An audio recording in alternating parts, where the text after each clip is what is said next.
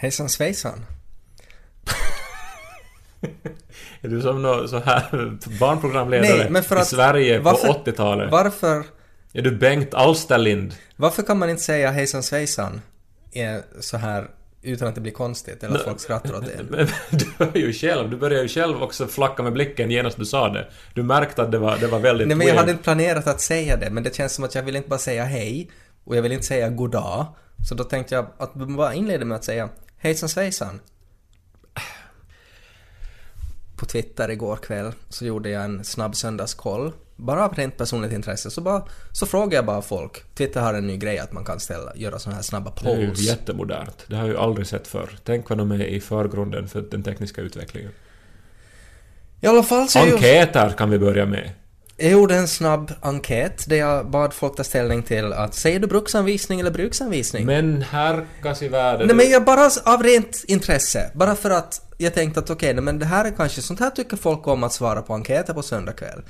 Och 84 människor svarar på den här enkäten och 11% säger bruksanvisning, 89% säger bruksanvisning. Och sen måste jag också bara säga det att Ida twittrade åt mig att hon hade tryckt fel. Att bruksanvisning ska det såklart vara. Att hon hade tryckt fel, så det är kanske bara 10%. Men vi bevisade ju det här i förra avsnittet. Vi ringde en språkvårdare, vi kollade i officiella uttalsordlistor. Det heter på riktigt bruksanvisning, allt annat är fel. Och det är ju fel att du försöker upprätthålla någon sån här, någon, någon sån här grej att det ändå skulle heta Nej, bruksanvisning. jag bara, för att jag bara sa det att det finns ingen i vår omgivning som säger Det bruksanvisning. finns ju såna här historier som alla antar att är sant. Vet du, som det här till exempel att när man dör så fortsätter håret och naglarna att växa. Någonting som alla vet. Men, newsflash, jag har just läst läkare som dementerar det här. Det är inte sant. Det är alltså en fullständig lögn som bara har blivit att spridas som någon sorts cancersvulst på samhällskroppen. Varför ska man sprida en sån lögn? Nej men precis, det är så här som rasism uppstår också, vet du, att det är någon som har eh, felaktig info eller bristfällig info om någon etnisk grupp och sen så sprids det och sen när man kommer med fakta så vill inte folk höra eh, utan de ändå håller fast vid den här felaktiga infon. Så alla vi som Ni bruksanvisningar... är jävla rasister är ni allihopa.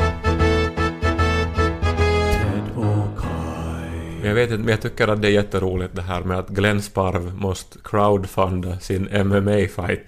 Varför tycker du det är roligt då? Nej men den rubriken, det är på något vis... Jag vet inte, ska man tycka synd om honom då? Att han vill slåss men har inte råd. Jag vill bara slå. Jag vill bara slå dem på käften. Jag har inte råd. Nej, men... det är ju underbart med österbottningar som är framgångsrika och lyckas med det de gör och har framåtanda. Men det är mycket med... Det, det är så, dessutom Glenn Sparv, det låter ju inte som en MMA-fighter. Nej. Det låter som en matematiklärare. ja det, det är väldigt olyckligt. Ja. Alltså av, av alla så här häftiga actionfyllda förnamn man kan ha så är ju Glenn det sämsta. Och sen om man tänker sådär vilka associationer Sparv får till någon som ska vara stryktålig och våldsam och aggressiv. Så det är ju motsatsen till det. Ja.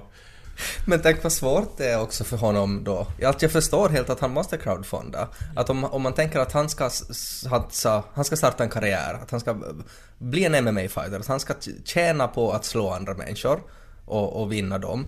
Och så går han fram då till en person och, som har pengar och så säger han då att yes, I'm an MMA-fighter. Och så oh yeah, what's your name? Glenn Sparv. Mr Sparrow. Ja. Glenn Close, är det inte, är det inte ett kvinnonamn dessutom på, Ja. på engelska? Då är det så att om han vill få liksom eh, sin crowdfunding eh, framgångsrik så måste han byta namn. Ja, är han det- måste heta någonting tuffare. ja.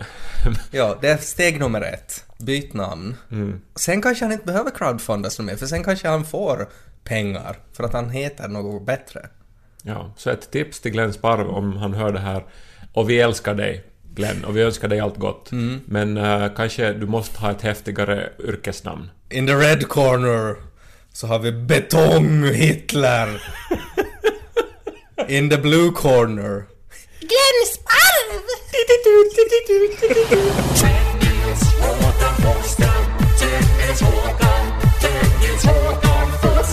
Det är svårt med namn. Är det? Ja, det är svårt med namn. För att om man som förälder ska hitta på ett namn så har man ju ingen aning om vad det där barnet ska börja med. Att, det, är att om, man, om man döper ett barn till Tiger, till exempel, så, så blir det ju otroligt fel om det där barnet inte är jätteframgångsrik i jumpa, till exempel. Eller jättepopulär. Ja. Så att när Glenn Sparvs stolta föräldrar höll i den nyfödda Glenn Sparv hade de ju ingen aning om att han skulle bli en MMA-fighter. Nej, och då skulle de ju inte ha döpt honom till Glenn Sparv, utan då skulle de ju ha, ha sagt att vi måste ju, han kan ju förstås inte använda vårt efternamn, utan han måste använda mommos mommos efternamn, Titanius. Och så skulle han ha hett Murdoch Titanius. Och då skulle han inte måste crowdfundas, för att alla skulle ge honom pengar. Mm, men det är ju också en risktagning för det var ju ändå en väldigt liten sannolikhet att han skulle bli MMA-fighter. Redan som bebis är det svårt att bestämma det. För, ja, men för, för på ett sätt så är ju Glenn Sparv ändå ett bra namn för det funkar internationellt. Han skulle kunna vara en Yale-professor i matematik hur bra som helst och get away with it. Så är det. Det är bara det att sparv är det bräckligaste som finns. Alltså det är ju symbolen för bräcklighet. Ja. Det är ju en liten sparvunge i handen som kippar efter andan. Ted är ju funkar ju sådär internationellt. Ja. Alltså att man kan säga Ted, att det är, det är inga skandinaviska tecken eller någonting sånt där. Ska jag säga att en av orsakerna till att jag faktiskt ville hänga med dig i högstadiet var att jag tyckte du hade ett så häftigt namn. Vad dumt. Men det var ju Av alla mina egenskaper så var det mitt namn. Nej men alla hette ju Fredrik och Mattias och sånt här. Ja. Liksom. Och så hette du Ted. Och du var ju den enda Ted, givetvis. Eh, Och eh, det var som så här, jag var osäker på om det var ett smeknamn eller om det var ett, eh, om, om ditt riktiga namn. Men det var, det var häftigt, det var slagkraftigt, det var internationellt. Jag hatar ju Ted, alltså som namn, när jag var liten. Jag grät ju över mitt namn. Men hatar alla sitt namn? Eller hade du något... sp- För, för, för jag hatar mitt namn, jag vet att väldigt många hatar sitt namn. Mm, jag hatar mitt namn just av den orsaken som du tyckte att det var häftigt. Att jag tyckte att det var för exotiskt. Och jag tyckte att, att det satte på något sätt eh, ribban lite för högt för ett litet barn. Att man skulle heta Ted. Att det, var, det, det fanns så mycket annat som det medförde, det att man har ett sånt häftigt namn. Då är det direkt sådär att ja, att han måste ju vara pilot eller någonting. Att det, på något sätt blev det så. Ja. Och att jag önskar att jag skulle ha ett, ett vanligt namn i något skede. Och att jag minns att ett, ett sånt här vanligt namn som jag, som jag en gång grät över att jag, jag inte hette, så var Gunnar. Det är, det, det är nog väl lite märkligt att det var just det. Ja, det var det, men att det på något sätt det symboliserar det vanligaste namnet som fanns. Men det, det finns... Nej, nej, nej. Alltså det, Nej, det, det när jag var finns liten- ju ett namn som har en inneboende... eh, lite humor också, men alltså Mm. som, eh, som, som kommer med eh, en estetik. Och Mm. Gunnar är ju en äldre man Ja. eh, alltid med glasögon. Ja, Och- ja, och lite för liten skjorta. Exakt. Så, det, så är väldigt underligt att det var just det namnet Ja, men det var på något sätt, det var ett tryggt namn och som, som, det var inte liksom några så här konstiga associationer till det. Att det var inte sådär som att Ted, jaha, han jobbar väl på cirkus han som har ett så konstigt namn. Ja. Eh, Det var ju bara präster som hette Kai. Alla präster heter Kai i alla TV-serier och också Ja. i Esse. Esse-prästen heter Kai. Ja. Och han är en fantastisk man, men jag, jag var bara så här att varför ska jag heta som en präst? Mm. Men det är ju nog, alltså... Jag, jag, Kai funkar ju också. Det har ju inte något Å, Ä, Ö och sådär åtminstone. Nej men det är det här också, vi bor i Finland eh, där Kai skrivs med I, men jag är finlandssvensk och då skrivs det med J och så uppstår förvirring och ingen skriver det rätt. Och eh, sen utomlands, värdelöst. Ingen, alltså om jag är i USA så är det ju eh, Kaj, hello Kaj, eller Kah, Kah, Kah, So, how are you doing? Jag var eh, på ett sånt här ungdomsutbyte i eh, USA när jag var 20 och så var vi på en baseballmatch för vi ville ju eh, uppleva det förstås. Och sen efteråt så var det då den här, eh, den här lokala hjälten, då den här pitchern som, som, som hade klarat sig bra, som då var där och gäst spelade baseball, då, så han skrev autografer. Och det var lång kö och jag köade för att få en souvenir och så hade jag med mig en baseball som jag gav till honom och så frågade han vad jag hette. Så jag heter Kai. Och så skrev han, och jag har den här alltså på hyllan ännu, eh, det står 2KJT. 2KJT. Han trodde att det var ett sorts företag. Ja, jag vet inte, ja, men, men det, det är totalt värdelöst mitt namn. För, Ja, men nog var ju baseballstjärnan där, hade ju, det var ju nog något speciellt med honom också. ja. Att han kan ju inte ha trott att du sa kjut. det, Där var en flicka som hette Jasmin och stod det bara Huxeplörk på hennes baseball. Men där så, alltså mina föräldrar misslyckades ju totalt med det där. Och det är ju också hemskt. De, de gav mig namnet Kai för att Kai har namnsdag dagen efter att jag föddes. Och det är också så här att Okej, nu har vi fått ett barn, ska vi måste hitta på ett namn. Jag skulle inte ork fundera. Lasse, har du kalendern? Ja, Kai imorgon, okej vi tar det. Ja. No, det, det tycker jag faktiskt att där, där är det ju nog minuspoäng åt dina föräldrar. Att det är ju nog bara lättja. Då har ju du ändå, du har eh, Ted Forsström funkar ju internationellt. Och, och det är slagkraftigt och enkelt. Ja, det blir Forstrom. For, jo, jo, men det låter häftigt. Forström. Det gör ju det. Eh, Jag heter ju Korkea Aho. Siri, can you call K Corky Aho? Just to confirm, you'd like to call Katrina Katie Grunhall? No, Siri. No. Call K Corky Aho. Did you mean Katrina Katie Grunhall? No. No. Who shall I help you call? K Corky Aho. Did you mean Katrina Katie Grunhall? No! Du måste säga Cadge. Siri. I'm not sure what you said there. Did you mean Katrina Katie Grunhall? No! Call Kaj Corky Aho. A phone number for Kai Korkiaho. Oj! Du har inte mitt nummer! Nej, vi kan ta det sen. Men länge tog det ju, inte Men pro- pro- problemet var alltså inte att Siri inte kan uttala mitt namn utan att du inte har mitt nummer.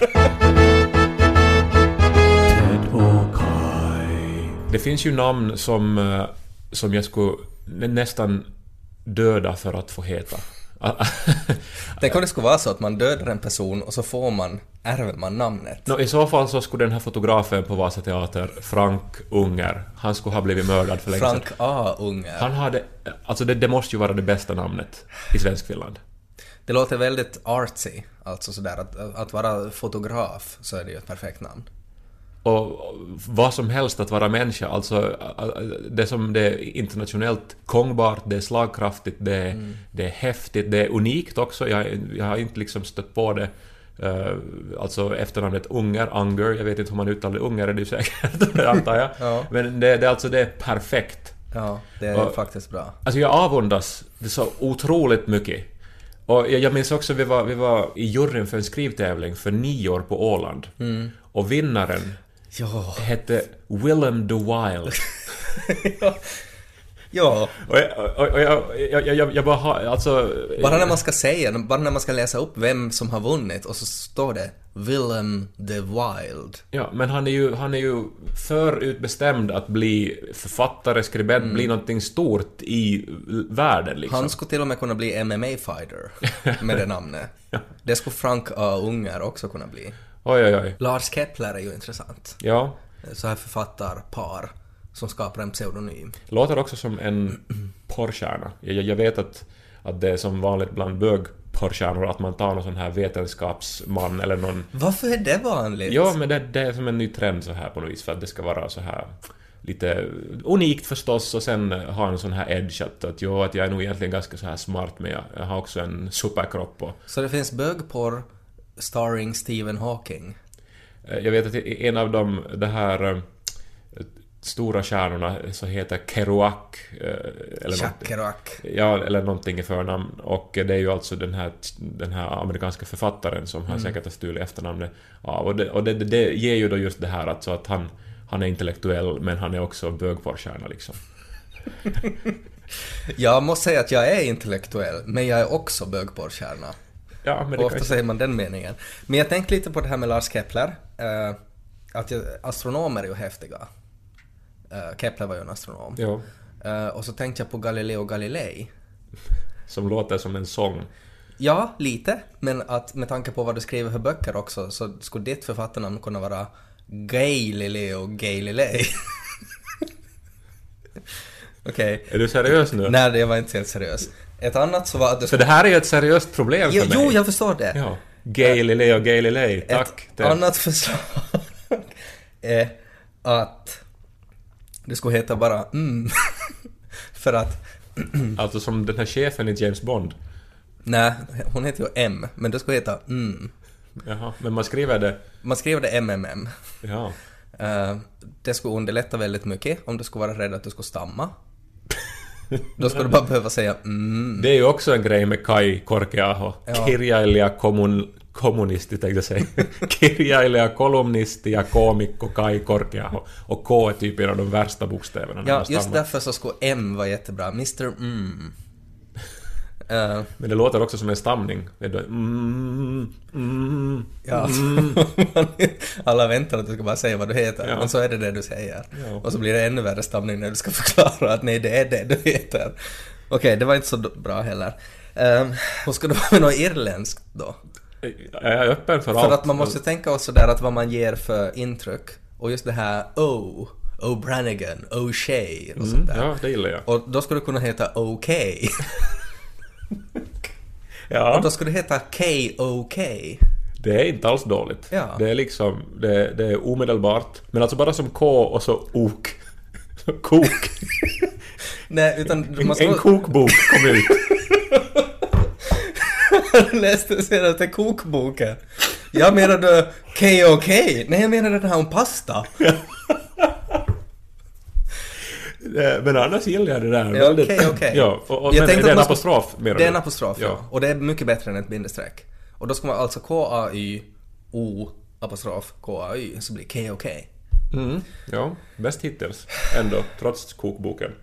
Det enda positiva med mitt efternamn som jag, det här, jag vet inte, det var någon som sa det åt mig typ i högstadiet när det var som svårast med Mm. mitt efternamn. När jag tyckte att varför heter jag alla andra heter Forsström och Pettersson och Mattsson och allting och så heter jag något Korkeaho och ingen kan skriva det. Mm. Så då sa någon ”Men Kai, ditt efternamn ser ju ut som en långtradare” med släp.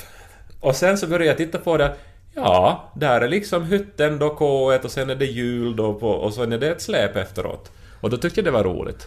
Och så skrev jag det och så var jag stolt över att jag hette en långtradare. Kai Långtradaren. Korkeaho. Ja, men kanske du kan bara ha det som en symbol då på dina böcker. Att du, du heter Kai och så är det liksom en bild av en långtradare. The new novel by Kai Truck. Kai Truck. Kaerik, Kaerik korkea,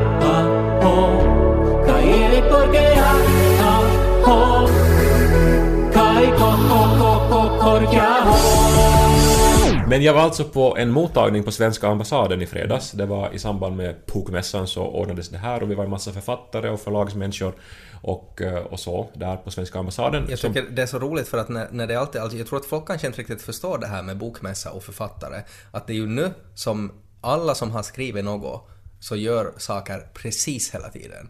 Alltså du, du, du, gör så hysteriskt mycket, framförallt nu kring bokmässan. Ja, det har varit väldigt hektiskt och väldigt intensivt. Och eh, Bokmässan är det största evenemanget när det handlar om litteratur i det här landet. Så att det, det händer nu. Men då ordnades också det här och eh, jag träffade där nå, ambassadören och hans pressekreterare och, och så vidare. Och eh, det är alltså en, en, en otroligt fin lokal vid eh, Salutorget, så man har utsikt över havet och över Salutorget och Havis Amanda och, och, och allting så. Och eh, det blev tal då om inredningen, så, som är väldigt fin också. Och där finns ett stort porträtt på kungen som stirrar ner på allihopa och så vidare. Eh, och sen är där en, en, en, ett jättestort rum som har en enorm matta i sig. Eh, och det här berättade då den här pressekreteraren att det här är alltså Görings matta. Som de har köpt från Görings dödsbo. Eh, och det är alltså en alltså helt enorm matta, den är kanske 15 meter gånger 7 meter. Men, men alltså, ta, ni ni var ju där och, och det var en sån här rolig grej, det var positivt, så här häftig spänning i luften och nu är vi på ambassaden. Ni har kanske några så här små biskvier i handen och cocktails i andra handen. Exakt så var det. Och så säger hon att ni står på Görings matta. Jo, och det är ju väldigt överraskande och också lite så här, lite disturbing. Ja, ganska disturbing. Ja, och sen jag, jag undrar också att det här på något vis skulle det gå att från det här härleda ett nytt uttryck i språket som man skulle kunna använda att plötsligt stod jag där på Görings matta. Att man på något vis inser att, att, man, att man är i en lite jobbig situation, Ja. motstridig situation. Ja. Så här, till exempel vet du att man, att man pratar med någon och så eh, säger man någonting ont om en annan människa. Att oj, den människan är nog jättestörande. Och sen inser man att den man pratar med är typ släkt med den människan. Så är det som att plötsligt stod jag där på Görings matta. Det blir Ja. lite jobbig Det, stämning. det är ganska bra. Men jag tycker fortfarande att det är en konstig sak att säga. Alltså att ambassadören går liksom till sin pressekreterare och säger ja men ska du inte säga det där om, eh, eh, om nazisterna? Ska du inte säga att det är Görings matta? Och så slår han i glaset och så måste hon säga det då. Ja, att som ni står nu då på Görings matta. Ja. Och så fnissar han lite i hörnet. För att nu har han skapat en Göringsmatta situation. Jag bara undrar varför han säger det. Vad gör ni med den infon? Vad kan ni annat göra med den där infon annat än att det blir lite konstig stämning? Och att det blir mer negativt än positivt. Ja, det Om det, skulle, om det skulle ha varit Jesu matta så skulle det ha varit sådär oj, från Bibeln, vår frälsare, vad trevligt, ja där är lite blodfläckar Sia. Och då skulle det vara sådär en helt annan grej, man skulle kunna prata om det, man skulle kunna tycka att det är jaha, no, men får vi heliga krafter nu då? När vi har rört i den, eller någonting. Men det, blir, det är ju motsatsen till det. Ja. Det blir ju bara negativt. Ja, du har nog helt rätt. Eh, Men, eh, men eh, i alla fall, liksom vi festade vidare som om inget skulle ha hänt och vi, och vi, vi Det är ju- en trevlig kväll. Jag har ju förstått sådär eh, när jag har diskuterat med min sambo bland annat, som har sysslat med sånt där när hon var yngre. Jag har själv inte sysslat med det för jag var inte tillräckligt häftig. Men att när man festar riktigt ordentligt på vissa ställen så ska man ju alltid stjäla något. Alltså det kan ju hända att man ska stjäla ett glas eller, eller något som finns i lokalen. Det har jag aldrig hört. Det Har du aldrig hört om det här? Det är nog bara din sambo det här. Nej men för hon pratar som att det här var en väldigt allmän grej, att alla sysslar med det här, att, att hon... Alltså med stöld och, så, Ja, och, och precis. snatteri. När de var tonåringar så tog de liksom saker, att, de, att hon hade liksom en, ett helt skåp fyllt med glas från alla barer i Pargas. Men jag måste ju börja kontrollera skåpen efter varje fest när Nej men hon är hon här. gör väl det väl inte något mer? Hon är som en sån här, som en kaja. Nej men de var, de var, det var en grej som de Nu har jag så roligt att jag måste stjäla någonting. Nej, jag tror nog att det finns människor som, som är, och, och så skyller man på att man är så full och så är det sådär att ja men skulle det inte vara jättekul om vi skulle ta den här välkomstmattan eller något och så tar man det och så står det liksom barens namn på den. Så skulle det inte då ha varit jätteroligt om ni skulle ha stulit Görings matta från svenska ambassaden? Jag vet att min pojkvän så han har, han har en enorm hallmatta som, som har funnits på, på, en, på en bar i, Ja, i Helsingfors. ja, så han har också gjort Och han det. har gått förbi den här baren på väg hem från en annan bar med, med sin vän och så har de drabbats av ett infall att hej, ska vi ta den där mattan? Ja. Sen har de rullat ihop den och sprungit iväg med den. Ja, så ni skulle ha gjort precis samma sak när det var på svenska ambassaden. Ni skulle ha rullat ihop Görings matta och så skulle ni bara sprungit iväg med den. Det största som hände i veckan för mig var att jag var gäst i Huomenta Suomi. Ja, jag såg lite av det. Ja, det var alltså direktsänd finsk morgon-TV, om man nu säger det på ett annat sätt. Och eh, jag har vetat om att jag ska vara gäst i flera månader redan. De bokar sånt i god tid. Och jag har ju varit nervös ända sedan dess. När jag blir nervös så då, då blir det all in, liksom. Att jag, att jag mår dåligt i, i flera månader. Nu var det här också just en sån här grej som har varit en tröskel, ska vi säga. Eh, Det här eh, att vara just prata finska eh, när, när man måste göra det bra. Ja. Jag, jag har ju farit med om allting. Jag minns en gång jag var på, det var på Göteborgs bokmässa och eh, jag var i Sisu Radio och jag var gäst tillsammans med Pekka Haavisto.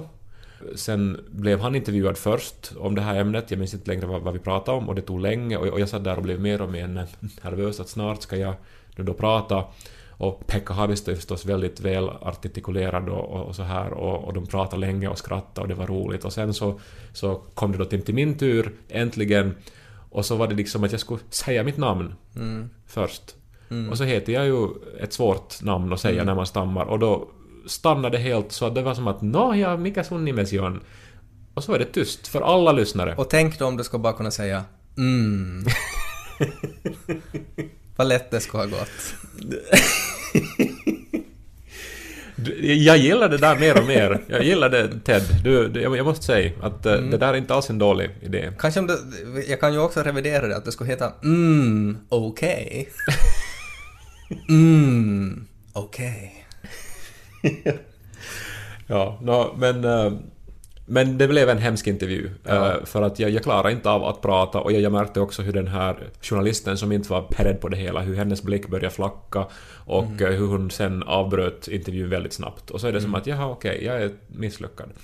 Eh, och sådana här situationer är man med om då och då när man stammar. Ja. Jag har ju all, alltid hatat till exempel att hålla föredrag.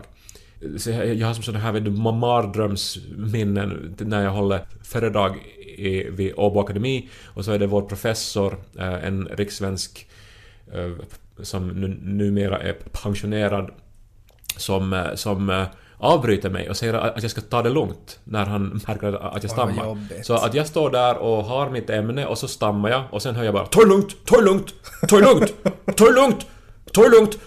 Eller han hade ingen aning om vad Han det handlade kanske om. Tourettes. Ja, ta det lugnt. Men, men, men det där hör jag liksom än, Mm. än idag. Men jag tycker bara, det är ju, det är ju väldigt eh, på något sätt strångt av dig att syssla med sånt med tanke på att du har din stamning, att du har ju på, på ett sätt så har du ju vunnit det.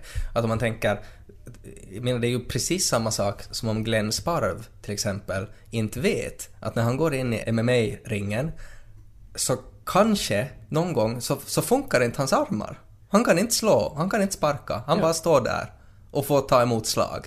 Och så är han sådär ah, idag var en sån dag att jag stammade med fötterna för mycket så att jag kunde inte sparka. Det är ju precis som det. De flesta som skulle börja med något annat då, där man inte behöver sparka och slå så mycket. Ja, ja. Men det, det är nu på något vis också någon sån här jävlar anamma att man inte vill, vill så att säga bli hindrad av det som plågar en. Det, det är ju det, det som gör att man gör de här grejerna om och Ja, om igen. men kanske ligger det, kanske är det det som har varit din drive. För att de flesta människor, du är ju du är väldigt driven på det sättet att du alltid vet att du vill bli författare och du har liksom gjort allt för att uppnå det. Och där kanske stamningen har hjälpt dig. För att det blir den här jävla anamma. Du skulle inte ha fått den där jävla anamma om inte du skulle ha haft det eh, svårigheter med din stamning. Så om Glenn Sparv skulle liksom ha någon sån här förlamnings... Hans händer skulle sitta fast i armbågarna. Ja. Så att han skulle inte liksom ha den här en meters räckvidden, att han skulle inte kunna slå någon på käften utan han skulle måste liksom slänga sig över dem och så skulle han kunna lite sådär liksom Ja. fingra dem i fejset. Alltså han skulle vara på något vis mera driven och mera motiverad och Ja. kanske mera framgångsrik Han också. skulle inte behöva crowdfunda idag tror jag, om det Precis. skulle vara så. Ja, vi, vi, vi har många sådana här coachtips idag tycker jag till Ja. Glenn Sparv.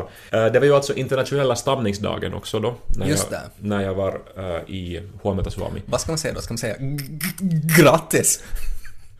Ja, nu, nu var det lite komik här Ja, igen. men jag får skoja för jag studerar logopedi. Det blir bara konstigare att du skojar med tanke på att du har studerat logopedi och att du har känt en stammare nästan hela ditt liv. Nej men vad ska man säga? Ska man, för jag har också funderat sådär när det är mors dag. Då säger man ju typ grattis på mors dagen.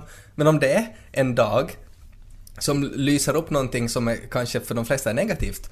Hur, hur firar man då? Ska jag ge dig en ros? Nej, men åtminstone inte att håna dem. Det, Ja, okej. Kanske det är den enda dagen jag inte hånar dig. Men grejen var att det gick väldigt bra i Huomet och Suomi. Jag, jag stammade självklart, för det är ju det jag gör. Men det blev aldrig en sån här total låsning och jag tog, tog, tog mig vidare. Och eh, det, det gick bra, jag överlevde. Och, eh, och var förstås efteråt väldigt, väldigt lättad och väldigt också stolt. Det var som en personlig seger. Ja. Det bästa botemedlet mot stamning. Att man kommer över det här vad människor tänker om en. Det är väl kanske med allt sånt som kan vara ett hinder på något sätt i en social situation. Om man vill på något sätt förminska stamning till att om man tar bort allt, nu har vi bara den här toppen av isberget, vi tar bort hela isberget som inte syns under vattenytan, så är det ju att det blir lite pinsamt och jobbigt i sociala situationer. Ja, det tar lite längre. Ja, precis. Och att om man inte bryr sig om det, så då, då är det ju inte något. Mm. Men är det liksom med, med allt det där att om man har fem ögon och folk stirrar på en, att du ser ut som en spindel, om man inte bara bryr sig om det, så då är det ju inte något problem. Man bara ser bättre. Mm. Man är stolt över, över sina... Sitt skräckface, mardrömsansikte. Det borde finnas internationell skräckface-dag också för alla som har ett skräckface. Och, och att man ska förstås inte skämmas för det heller. Nej. Nej. Man, Nej, är, så är det. man är den man är och det ska man, det, ska man, det ska man leva med och vara stolt över. Det är hemskt att, att måste meddela det så här nu direkt på BB men er dotter lider av skräckface syndrom. Hennes face inger skräck.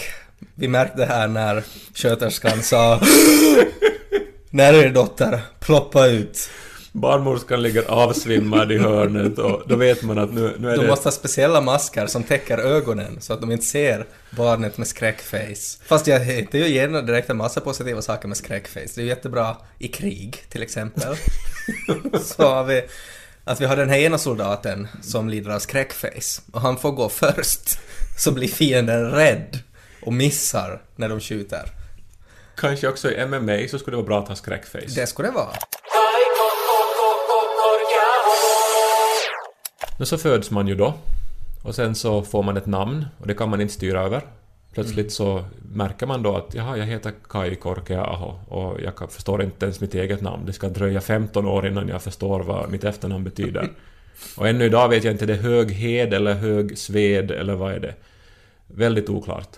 Eh, och eh, sen så kanske man börjar stamma. Och sen så dra, håll, hålls man tillbaks av det. Men så kan man ju också kanske använda sig av det. Att man arbetar mot det som, det som håller en tillbaka. Som Glenn Sparv. Ja, som föddes med ett namn som var perfekt åt en matematiklärare. Och så vägrar han gå med på det och istället blir motsatsen, en MMA-fighter. Fastän han har världens sämsta namn för att vara en MMA-fighter. skulle han ha varit en MMA-fighter om han skulle ha hett Frank Unger till exempel? Nej, det tror jag inte. Nej, för då skulle han på något vis ha haft... eh, Alltså han skulle inte ha haft någonting att kämpa Nej, man sig måste, till. exakt, man, lika som du har då, du har världens sämsta författarnamn, Mm. Kai Korkeaho. Så då har du kämpat dig till att bli författare på grund av det. Ja. Jag försöker tänka vad jag har för sån där och så inser jag att i Millin så fick jag diagnosen lösät nilkatt. Det är ju bara... Det är ju igen en sån här omskrivning, vet du, för att du, du, du, du var i dålig kondition. Nej, jag hade sjukt i fötterna och så Nej, du satt- hade jättedålig kondition. Nej, jag hade sjukt i fötterna och så satt jag där och så var det någon som någon gång har varit till läkaren, så då fick han vara läkare, Emily. Eh, och så, så liksom så slog han till mina fötter och så var det som gelé så här. Så lät det. Och så sa han ja, lösät nilkatt. Och så sa jag ja, det så är det nog. Och så behövde jag inte köra något på två veckor. Men det har ju inte lett till att jag har liksom att om den här teorin håller då, så då borde jag ju ha blivit vad finns det för idrottsgren där nilkatt är viktiga? Ja, men nästan allt. Liksom. Ja, du, att jag skulle bli... eh, att jag Längdhoppare, skulle, Att jag skulle trestegs- vara trestegsmästare. Så det stämmer ju inte, för jag har ju inte jobbat överhuvudtaget med mitt handikapp, lösät nilkatt. Nej. Nå, men okej, så alla, alla hittar inte sin drivkraft Nej. ur sina svårigheter då, ur, ur, ur sina nackdelar. Men ändå får vi väl eh, konstatera att det, det, det är en källa till energi. Så är det säkert. Och det är väl det bästa sättet att använda nackdelarna till. Att, att utnyttja det som en sorts motor till positiva grejer. Siri, who would win in a fight between Glenn Sparv and Frank Unger? Checking on that. Okay, I found this on the web for who would win in a fight between Glance Bottom and Funk on that. fan kan det? Dead or Kai.